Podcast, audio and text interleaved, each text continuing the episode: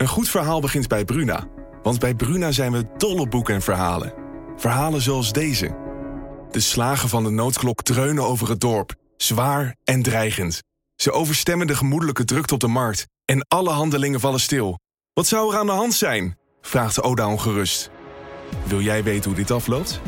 Je leest het in Bloedlijn van Simone van der Vlucht. Nu bij Bruna.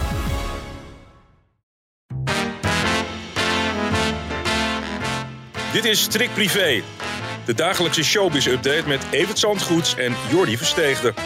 Vandaag wordt er een nieuwe opgenomen, zonder Jordi Versteeg. Ja, die is nog steeds weg. Dat blijven we drie weken roepen dit. niet? Ja. Nee, voor- bij deze Jordi Nou, die... eh, Hein, we gaan is- gewoon beginnen. Lijkt me een goed idee, want eh, er is heel veel te bespreken.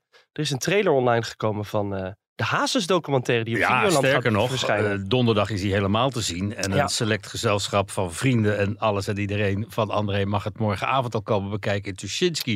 Wanneer de docu daar in première gaat. En eh, ja, er wordt rijkhalsend naar uitgekeken. Er is natuurlijk al twee jaar sprake van die docu-soap die er zou komen. Een Belgische eh documentairemaakster heeft hem gemaakt en viel met haar neus in de boter. Omdat ze Ja. nogal in een turbulente tijd in het leven van André viel. En ja, mensen zijn wel heel benieuwd naar het resultaat. En ik ook wel moet ik zeggen, er is heel veel aan gesleuteld, heel veel aan bijgeschaafd. En op een gegeven moment was zelfs niet duidelijk of hij afgemaakt zou kunnen worden of niet. Maar dat is gelukt. Morgen is het resultaat er. En eh, ja, dan gaan we zien hoe diep André heeft gezeten. Wat vond je van die eerste beelden die je hebt gezien? Nou, veelbelovend. Maar ja, daarom is het ook een trailer, een promo. Mhm. En, en die zijn natuurlijk prachtige fragmenten. En elke dag zijn er een beetje meer. Dus eh, het publiek wordt wel heel erg opgewarmd om eh, heel nieuwsgierig te worden. Voordat ze dat op donderdag op Videoland kunnen gaan bekijken. En dat wordt eh, handig gedaan. Op Amerikaanse leest geschoeid. Iedere dag een beetje meer. Ja. Totdat je denkt, en nou wil ik het helemaal zien ook. Ja. En eh, daar moet je dus nog heel eventjes op wachten. ja, want het gaat natuurlijk vooral over drank, drugs, maar ook over En- vrouwen. En vrouwen, Ja. Sarah van Zoelen zit er niet in. Oh. Die zou er aanvankelijk wel in zitten. Die heeft eh, gevraagd om er niet in, te, in, in, in, in eh, de docu voor te komen. Ze komt er wel in voor als André het over heeft Mhm. met verschillende mensen. Maar de beelden die erin zaten aanvankelijk, die zijn eh, gesneuveld. En dat gold ook voor de relatie in een vrij vroeg stadium. Ja, En ja, Sarah had geen behoefte om daar tot in lengte van dagen door die film aan herinnerd te worden. Wat- Dus de documentairemaakster heeft daaraan voldaan aan dat verzoek. oké. En wat wil André denk je bereiken met deze documentaire? Of Wat, wat, ja, wat zou de achterliggende Ja. gedachte zijn? Wat je veel mensen hoort zeggen is dat ze een voorbeeld willen zijn voor anderen. Hij zat natuurlijk heel erg diep. Er waren verschillende issues, drank, drugs en nog meer dan dat. Mhm. eh, heeft de documentairemaakster laten doorschemeren.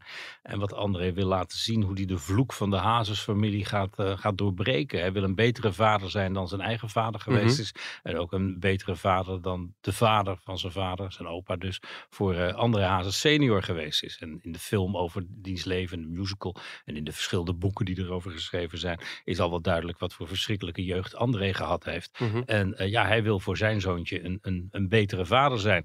En daar was wat voor nodig. Daar moest voor ingegrepen worden. En dat heeft hij gedaan op tijd. Dat wil hij laten zien. Ja, en zou het ook nog een eh, soort aanjager kunnen zijn van een muzikale comeback? Of denk je dat dat niet zo hand in hand gaat? Ja, die is aangekondigd natuurlijk bij Holland Zingt Hazes Ja, eh, volgend jaar. En uiteindelijk zal die ook weer met eigen concerten gaan komen. En ik denk niet meer dat hij zo als een achterlijke het, het land door gaat racen. Zoals hij Mhm. de afgelopen jaren gedaan heeft. Met zes, zeven optredens in één weekend gepropt. Dat is roofbouw. En Ja. dat hou je niet vol. En dat hebben we ook gezien. Dat hij Ja. dat niet volhoudt. En dat gaan we waarschijnlijk donderdag eh, ook zien. Waarschijnlijk, ja. Ik ben Ja. heel benieuwd. Ja, ik ook. Wel, nog een opvallend moment eh, dan nu op televisie was Dirk Bolt in de eerste aflevering van Spoorloos van dit seizoen. Hij moest wat doen, hè? Ja, hij moest wat doen, want hij had natuurlijk bij Khalid en Sophie gezegd van ja, ik verdedig eigenlijk mijn eigen programma. Jij was het daarmee wel mee eens, toch? Of niet? Nou, ik vond dat hij dat heel slecht deed. Ja. Als ambassadeur van het prachtige programma Spoorloos heeft Mhm. hij echt steken laten vallen door vrijwel onvoorbereid in die studio te gaan zitten en verbaasd te zijn over de kritische vragen die hij daar gesteld kreeg door Galit. En eh, dat waren allemaal vragen die hij onderweg naar het programma had kunnen bedenken dat hij ze zou krijgen.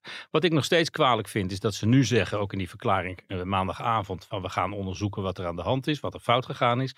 Terwijl al jarenlang bekend is dat bij verschillende matches fout gegaan is. En ik blijf dat KRO en CRV kwalijk nemen, ook Mhm. in hun eigen belang. Dat ze dat gewoon niet zelf hebben opgepikt. Dat ze dus niet zelf mee naar buiten gekomen zijn. En met een goed verhaal zijn gekomen. Ze hebben de hand eigenlijk nog niet genoeg in eigen boezem gestoken. Want ze Nee. zeggen we doen ge- gedegen onderzoek. Ja, maar onafhankelijk onderzoek. Maar dat had natuurlijk drie jaar geleden al plaats moeten vinden. En er zijn zelfs verhalen dat twaalf jaar geleden al wat fout gegaan is. Ja. Dus ja, dan, dan ben je wel heel erg zuinig op je programma. Maar op de verkeerde manier. Want als het dan naar buiten komt, dan komt het ook echt als een boemerang terug. En brengt het toch wel heel veel schade aan aan het prachtige imago dat dat programma heeft. gaat dat nog ooit goed komen, denk je?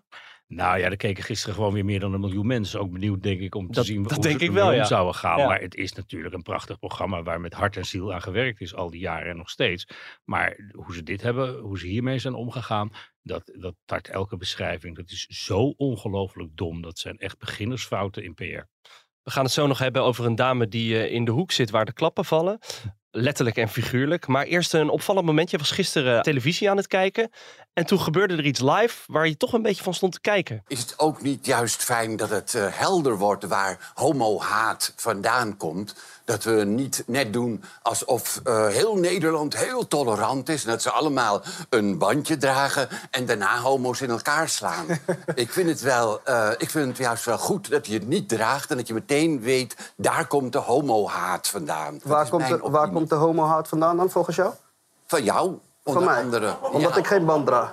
Ja, Ja, we horen dominee Gemdaad. Het een beetje een ongemakkelijk moment werd het. eh, Nou, het werd wel spannend, moet ja. ik zeggen. Want eh, ja, het ging natuurlijk nog steeds over die solidariteitsband die Mhm. voetballers afgelopen zondag moesten dragen rond de coming out day. En eh, voetballers die dat weigerden en die daar eh, verschillende reacties mee, mee losmaakten. Maar ik vond Dominic Grebdaad gisteren wel heel erg. Nou, we weten nu waar de haat vandaan komt. Het liep heel snel heel hoog op. En Ja. dat is spannende televisie. En eh, ja, zo krijgt eh, half acht ook zijn bestaansrecht. ja, z- zou Halenvacht hier eh, nou blij mee zijn met deze, met deze aandacht? Dat lijkt me wel. Het, eh, het fragment wat we nog vaak terug zullen zien, denk ik. En ik vind het ook leuk om dominee Gremdaad, die ik zelf een beetje had afgeschreven eigenlijk Mhm. de afgelopen jaren, op deze manier toch nog wel heel erg van zich laat horen. Gaan we meer van horen, denk ik. Zo. Ja, Eh, dan naar Glennis Krees. Naast, eh, als ik het goed heb, mishandeling en openlijke geweldpleging, wordt ze nu ook vervolgd voor bedreiging. ja bedreiging. En ik sprak Bram Moskowitz gisteravond bij Shownieuws, Ja. die daar erg van onder de indruk was. Die zegt, nou, dat kan de boel wel heel erg verzwaren voor haar. Want ja, eh, hij gaat ervan uit dat het Openbaar Ministerie dat kan bewijzen ook, dat dat gebeurd is. Dus dat ze inderdaad mensen met de dood bedreigd heeft, zou hebben daar. En dat doen ze alleen als ze ervan overtuigd zijn dat ze dat ook hard kunnen maken. Dus daar, daar, dat het er heftig aan toegegaan is in die Jumbo, dat, dat was ons al wel duidelijk. Maar eh, ja, volgende week gaan we het horen en meemaken en zien wat zich eh, aan bewijsmateriaal tegen Glennis heeft opgestapeld. En eh, volgens mij mag ze zich opmaken voor een fikse tik op de vinger. En qua haar imago, komt, daar, komt daar nog verbetering in? Of is dat, kunnen we dat wel afschrijven? Nou, dat hangt van een heel groot deel van die uitkomst af. Ja. En ja, het is een, natuurlijk een, een zangeres met een go- godgegeven talent. Het Ja, is zeker. zo zonde dat ze daar tot nu toe zo mee omgegaan is. En dat ze de kansen in Amerika niet optimaal benut heeft. Eh, ik, ik zou het er aan de ene kant gunnen. En als ze de straf erop heeft zitten, moeten we daar ook niet te moeilijk over doen met z'n allen. Maar het, het blijft wel heel lang aan de kleven, vrees ik. Oké, nou, helder, duidelijk. Evert, eh, het zit er weer op. Morgen, Zijn we er weer? privé day. Ik heb er zin in. Nou, Hoi, hoi. tot dan.